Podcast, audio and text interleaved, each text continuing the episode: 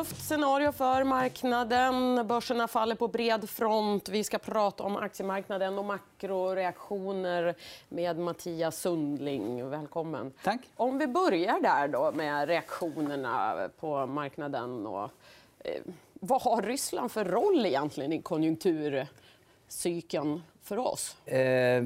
Ja, vi börjar med din första fråga. Ja. Reaktionen på marknaden så är det väl en sån klassisk eh, risk-off. som vi säger. Att eh, Riskaptiten... Alla drar sig tillbaka och drar ner sitt, sina riskmandat. Så att säga. Så att man köper dollar, man köper yen, man köper räntepapper, man säljer börsen. Eh, man, ju närmare Ryssland man är, desto större blir börsnedgången. Vad Ryssland har för roll eh, den tror jag är ganska begränsad. Eller den är begränsad. Eh, och den har blivit mer begränsad ju längre tiden går. För vi har ju faktiskt haft sanktioner, ganska hårda sanktioner, eller försök till hårda sanktioner mot Ryssland i sju, åtta år. Mm.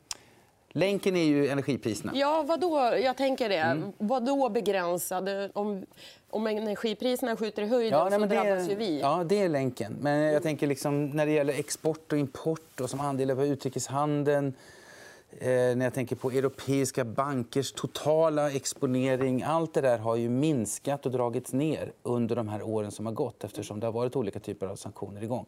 Men energi är, där är ju kopplingen då, via olja och via gas. naturligtvis. Mm. Och vad tänker man? Eh, rent spontant så tänker man ju att nu kan det här få centralbankerna, Fed, europeiska centralbanken att skjuta på sina aviserade räntehöjningar. Men ja, jag, tror att det är, ja, jag tänker att det är en balansgång. För att, eh, vi har ju ett inflationsmått som heter eh, kärninflation eller core CPI. Eller så där. När, vi tittar bort, när vi tar bort energipriserna då har vi ju för att det traditionella förhållningssättet under de senaste decennierna har ju varit att centralbanken... Liksom, jo, men det där kommer att gå. Det blir spikar i oljepriset. Men det har inget genomslag, så det, vi tar bort det. Men nu är all inflation i synnerhet i USA, så hög att man kan inte riktigt göra så. Inflationen är 7 i USA, 5 i Europa, 4 i Sverige drygt.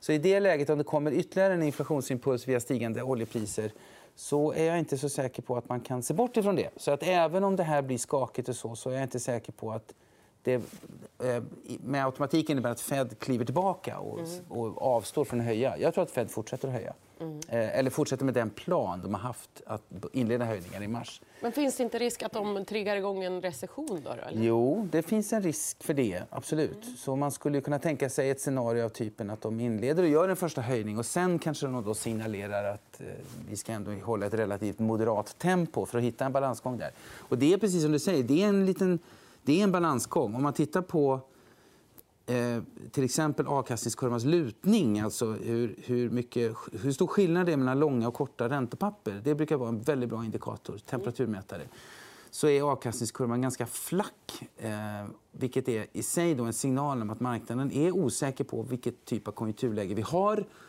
Och att det finns en risk som du mm. säger, för att eh, Fed ska ta i för hårt. Och så. så det är absolut en risk och det är en balansgång. Absolut. Men, men jag, jag, vet inte om det, med det här innebär att Fed avstår. Det, det, det tror jag inte. Nej. Vi har ju ändå sett ganska mycket styrka där ute. Vi har fått starka PMI-siffror, ja. detaljhandelssiffror.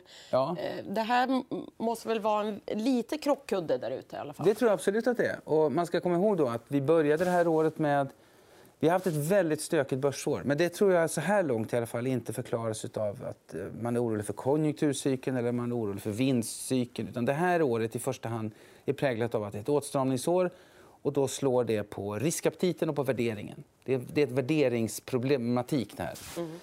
Det är såklart, vid någon punkt så kan det bli även konjunkturcykler. Så. Men, men förväntningarna ligger liksom fortfarande på att eh, eh prognosen är liksom att vi ska ha tillväxt långt över potential i både USA och Europa. Så. och som du sa, vi fick preliminära inköpschefsindex för februari för två dagar sen. som var överraskande starka i både USA och Europa i tjänstesektorn. Det finns en buffert i hushållen för de har fått så himla mycket checkar under pandemin. och såna saker. Så det finns en absolut kuddar för att avhålla oss från ett recessionsscenario. Mm. Däremot så absolut att du skulle kunna tänka dig ett scenario där du får en svagare tillväxt än väntat. Mm. Fast det inte behöver innebära att... Det behöver inte vara svart eller vitt. Det finns en gråskala. Ja. Du har ju varit med förr. Eh, hur brukar börsen reagera när det är såna här stora händelser? Alltså min känsla är att när det är stora geopolitiska händelser så grips man av det och man blir väldigt känslomässig och man tänker också att det här är någonting alldeles speciellt. Och så underskattar man två saker. Eller man överskattar tycker jag i regel effekterna på global konjunkturcykel och man underskattar marknadens förmåga att diskontera saker. Mm. Så det hemska, eller krassa, är ju att historiskt om man tittar på inledningen av Irakkriget eller om man tittar på 9-11 till exempel, så där, då det var eh, ohyggligt eh, dystra scenarier som utmålades. Det var ju själva verket, om man ska vara riktigt krass, köpsignaler. Mm. Eh, och återigen, då, det låter väldigt krasst att säga det, men det är ett uttryck bara för att marknaden är bra på att diskontera händelseförlopp. Och S&P, om vi tar amerikanska börsen, var ju ner. Vi var redan i korrigering. Alltså vi har gått ner mer än 10% från toppen eh, innan det här hände. Så, så börsmässigt är jag inte alls lika övertygad om att det, skulle liksom, att det ska ner 10 eller 20% till ifrån det här. Mm. Du låter ju extremt eh, positiv ändå i ja. detta. Om man ska vara krass, och det ja. ska vi ju vara, vi ska se till siffrorna. Ja. Du låter ju positiv. Du jobbar på en bank. Är det, är det den kostymen du tar på dig? Eller? Nej, det är ingen kostym, men det, jag tror att... Eh, återigen, få hålla isär känslan och försöka liksom titta på vad som... Och det, är ju bara ett faktum, så att säga. Att, eh, det finns till och med ett hemskt gammalt ordspråk att man, man ska köpa när, när kanonerna mullrar. Eh, eh, och det är säkert en återspegling återigen av att innan en sån här händelse det kommer sällan som en blixt från en klar himmel. Marknaden är duktig på att diskontera I synnerhet det här som vi har pratat så mycket om. Mm. Eh, och där vi har sett ordentliga börsnedgångar.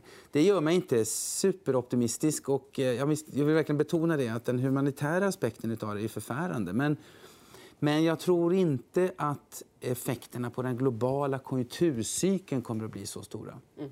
Har du hunnit kika någonting på aktier med Rysslands exponering?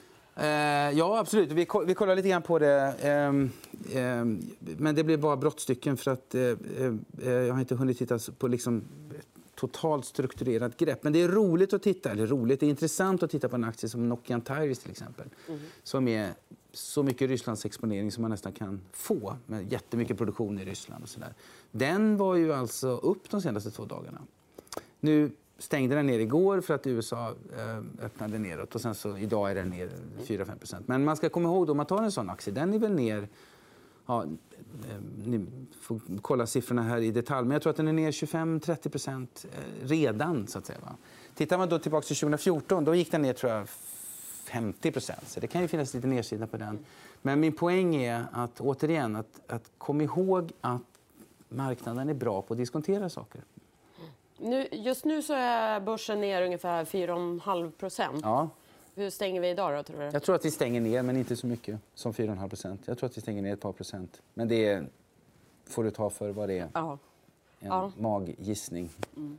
Men man ska ha lite is i magen eh, Ja, det tycker idag. jag. Ja, jag kommer inte... Men nu, nu adresserar jag framförallt institutionella kunder och så. Men jag kommer ju inte säga åt folk att man ska Eh, dra ner sin aktieexponering nu eller toksälja aktier nu. Mm. Eh, nej, det tycker jag inte man ska göra. Mm. Intressant. Stort tack för att du tog dig tid. Tack för att jag fick komma. Tack.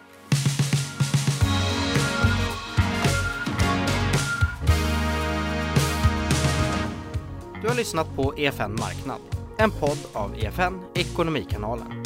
Mer om ekonomi och aktier finns på efn.se.